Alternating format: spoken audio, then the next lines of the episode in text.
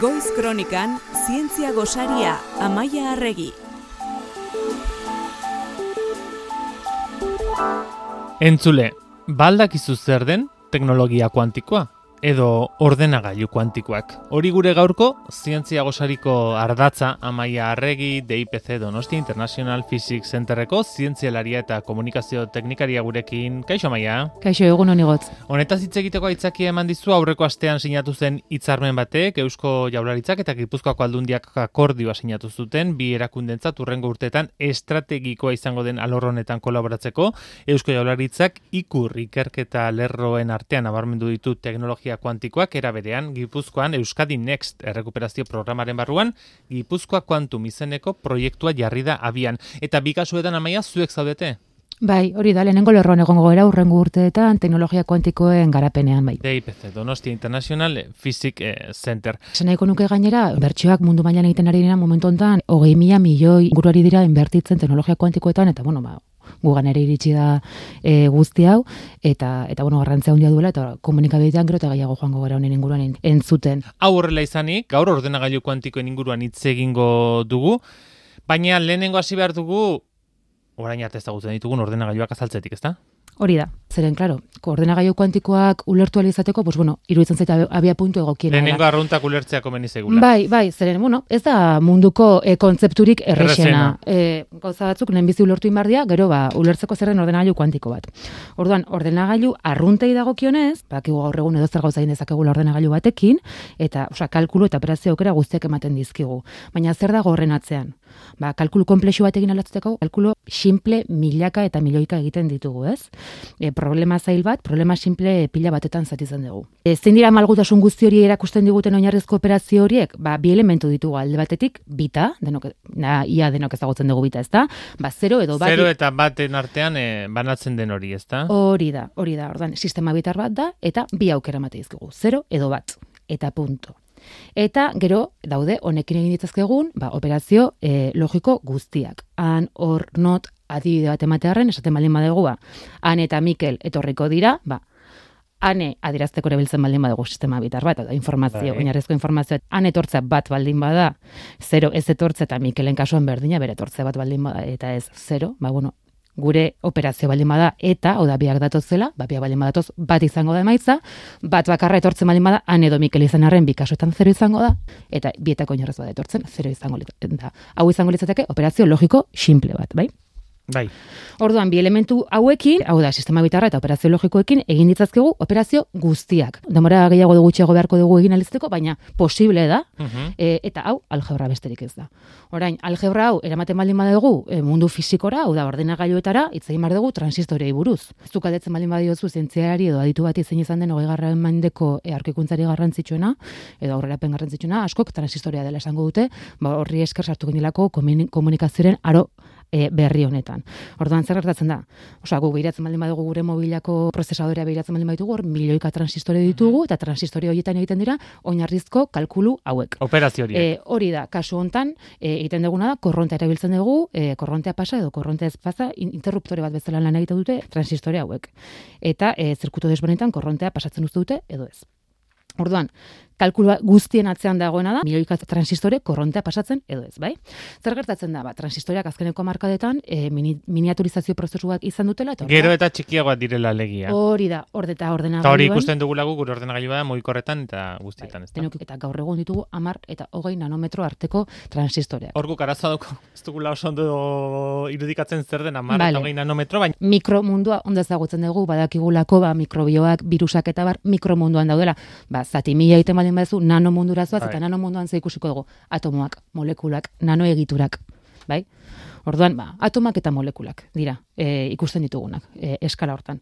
Zer gertatzen da, ba, eskala hortan, propietate edo fenomeno kuantikoak gertatzen direla, orduan zirkuito arrunt batetan, ba, akatsak sortzen dira. Orduan hor, muga bat dago muga bat dago e, transistoren miniaturizazio prozesu hortan. Horrek esan edo egizten dela puntu bat ezin ditugunak ordenagailu potenteagoak egin. Estrategia bakarra potentzia gehiago lortzeko edo konputazio almen gehiago lortzeko da, ordenagailu pila bat elkarlanean jartzea. Eta hori da, Donostia International Physics Centerren superkonputazio zentroren egiten duguna. Gu daukagu areto izugarri bat, eta berdan ditugu ordenagailu pila-pila bat, eta egiten duguna da horrekin konputazio gaitasun haundi bat lortu. Itzaiden ari gara Euskal Herriko konputazio zentrorik haundienari buruz. Bertan daukagu adibez Atlas, e, makina, datu batzuk ematearen ordenagailu arrunt batek lau nukleo baldin baditu, Atlasek ditu amar mila eta ordera gailu on batek 8 giga arran baldin baditu, memoria baldin baditu, atlasek ditu 82.000. Orduan, konputazio gaitasuna asko zera handiagoa da. Baina beti estrategia da ordenagailu pila bat elkarrekin, elkarrekin jarri eta hori da orain daukagun egoera. Bai. Mundu mailan, Bitcoinen munduan ere mineriarako egite dituztenak dira, ba, granja gigante horiek eta ordenagailu pila bat sartzen dituztean. Hori da, beraz, dagoen muga, ja, da, ezin dira transistora txikiagoak egin, e, dauden horiek e, lotu daitezke, eta eraik eta gehien egiteko demorarik ikutxienean, baina muga bat dago. Eta hor dator, hasieran tartenen hasieran aipatu dugun teknologia kuantikoa. Orduan, egoera hori izanik, konputazio kuantikoak eskaintzen diguna da paradigma aldaketa bat. Zergatik, ba, abia puntu aldatu egiten delako. Ja, ez gara hitz egiten ari sistema bitar batiekin egite dituguna e, eragiketei buruz, orain sistema kuantikoa da. Orain sistema kubit bat da. Leheno genukan bit bat, eta orain nahi dugu kubit bat erabili. Ulertzen dugu aldaera gehiago bai. egiteko aukera Eta ulertu ezatzuen ba, sistema kuantiko bat da. Izordin gerren katua bezala asko ezagutuko dute, bi egoeratan egon daiteke batera. Eta hau da importanteena ulertu behar dena. Ez dela bat edo zero. Bi egoeretan dagoela batera. Eta gaina kuantikak esaten digunez, bi egoera hoietan, egon daiteke infinitu kombinazio posibleren baitan. Hau ja ulertzea, bueno, pues pixkat jakin da kuantikari buruz, baina hori horrela da. Osa, lehen 0 eta bat zenbakiakoa ziren, orain, e, vektoreak dira, geziak dira, eta hauen kombinazio guztiak esfera batean daude. Zuk sartzen baldin badezu Googleen kubit, agertuko zaizu irudi bat esfera batean, eta ideia neko nuken agendak ulertza da, ba, kombinazio posible infinitu daudela biauen horrean. Orduan, bi egoerak batera e, infinitu posibilitaterekin ditugu eta e, honi deitzen zaio gainez armena, e, propietate kuantiko honi. Neri iruditzen zait pasada bat zoragarria dela, nik hau ikasi nuenean universitatean, ni fizikaria naiz, esan wow, oso polita da, bueno, hau eun urteia badira ezagutzen genuela. Eta bueno, ba, propietate honek abantaila handia suposatzen dute operazio logikoak egiterako orduan asko zeren malguagoa delako. E, adibidez, guk zenbaki erraldoiei benetan, osea, gigante bat nahi baldin badugu faktorizatu, ordenagailu kuantiko batekin, ba, e, asko zera azkarra dugu. Igual ordenagailu arrut batekin barko dugu unibertsuaren adina edo egin alizateko, eta ordenagailu kuantiko batek igual minutu edo segundutan egin lezake. Osea, konparazioa, osea, da, ikaragarria da, bai. Eta esango dezute, ba, bueno, zertarako nahi dugu faktorizatu zenbaki erraldoi bat, ez? Zertarako balio du ba, segurtasun e, sistema klasiko guztiak, osea, gaur egun erabiltzen ditugun guztiak, hauen kriptografia faktorizazioan oinarritzen da, eta honekin, ba, deskodifikatu izango lereteke adibidez. Beraz, mundu berri bat eh, irekiko luke horrek eh, era bat. Eta DIPZ-en, zuek, eh, zer egiten duzu teknologia kuantikoen inguruan gaur egun? Hildo desberdinak ditugu, DIPZ-en, alde batetik dauzkogu protokoloak eta algoritmo kuantikoak garatzeko hildo bat dago, hor dago sartuta e, Romanorus, lehen ez dizut aipatu, baina multiverse enpresa sortu du DIPZ-etik, startup bat, eta hau Gipuzkoa kuantum estrategiaren baitan lanean arituko da multiverse, eta bereiek erabili dituzte, osea, algoritmo kuantikoak erabiltzen ari dira, finantza munduan. Eta, bueno, ba, enpresa oso azkar realia azten. Gero, bestalde batetik aden dauzkagu, ba, ditugu estrategiak kubitak sortzeko zergatik. Esan dugu sistema kuantikoak direla, baina sistema kuantiko horiek, ba, esan dugu bai, nano egiturak egite ditugula, gauza txikiak izan berutela bereien propietate kuantikoak esplotatu alizateko, orduan adiez erdiero ale bat erabili dezakegu bere propietate kuantikoak erabiltzeko, edo eta adibidez guk grafenoan e, urte asko darmatzagu lanean, eta grafenoan ba, adituak gera, eta grafeneokin nano egiturak egin, eginez ere, ba, daude estrategiak kubitak sortzeko. Orduan, aldatetik ari gera, kubita fisikoki nolako izango den garatzen. Eta gero komunikazio kuantikoa irakurri bai. dizugu. Komunikazio bai. kuantikoa... Neri pila bat gustatzen zait gai hau. Bueno, hau izango litzateke beste ikerketa lerro bat. Zergatik, argia erabiltzen dugu komunikazioetarako fibraren bitartez eta bai. ber, baina argia izatez sistema kuantiko bat da. Argia kuantikoa da, fotoi bat da, eta fotoi hori partikula bat eta onda bat da era berean. Eta orduan, esplotatu ditzazkegu era berean, ba, argiaren e, propietate kuantikoak, e, mezu kuantikoak bidali alizateko. Eta bueno, adibide bat jarri nahiko nuke, ba iruditzen dalako interesgarria dela. Bai, geza giezke e, gure ikerlarietako batekin gai honen inguruan ben baino gehiagotan eduki eta aukera hitz egiteko ta. Ba, konta iguzu. Zuk imaginatu dauzkagula bi submarino, ez? Bi itsaspeko? Bai, bi itsaspeko dauzkagu itsasoan Eta beraien nahi dute mezu kuantiko bat beraien artean bidali. Mhm. Mezu kuantiko baten abantaila da ez, ezin dezula interceptatu, bai? Hori esplikatuko ez zergatik. Zu baldin bazkazu bi submarino hauek eta beraien artean mezu kuantiko bat bidaltzen baldin badute eta nik nahi baldin bait interceptatu, baina claro, ni ez nago ez submarino batean, ez bestean, ez Bai. nago barruan. E, kanpotik nik teknologia e, garatuena eduki arren bi submarinoen artean jartzen baldin banaiz, nik ezingo et interceptatu mezu hori.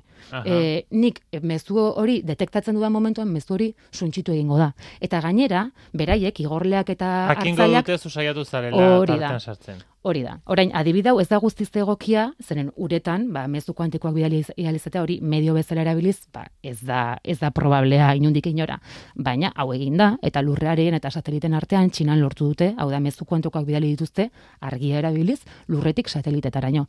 Ikerketarako eta aplikazioetarako hildo oso garrantzitsua dago, bueno, kriptografiari buruz aspalitik ari gara hitz egiten, eh, e, kuantikaren munduan. Izan ere, e, zuari zara e, teknologia kuantikoaz, ordenagailu kuantikoaz, baina guk gaur esan dugu, lehen, ordenagailu komatxo artean arrunta ditugula, zein puntutan gaude ikerketa horretan?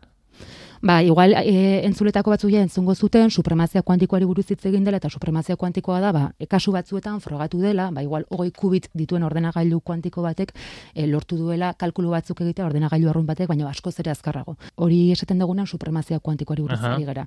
Baina gertatzen dena da oraingoz kalkuluiek ez direla guk aplikazio edo erabilgarria izango den aplikazio batzuetan e, erabili direnik. Ordan, hogei kubit, hogei oitamar kubiteko kalkuluak ditugu, baina bueno, garapen handia behar da oraindikan, ba bueno, e, erabilgarria izango den e, arloetan erabilia izateko, baina bueno, e, alako inbertsio mundial batekin, ba seguro e, garapena oso azkarra izango dela urteetan. Etorkizuna kuantikoa izango dela.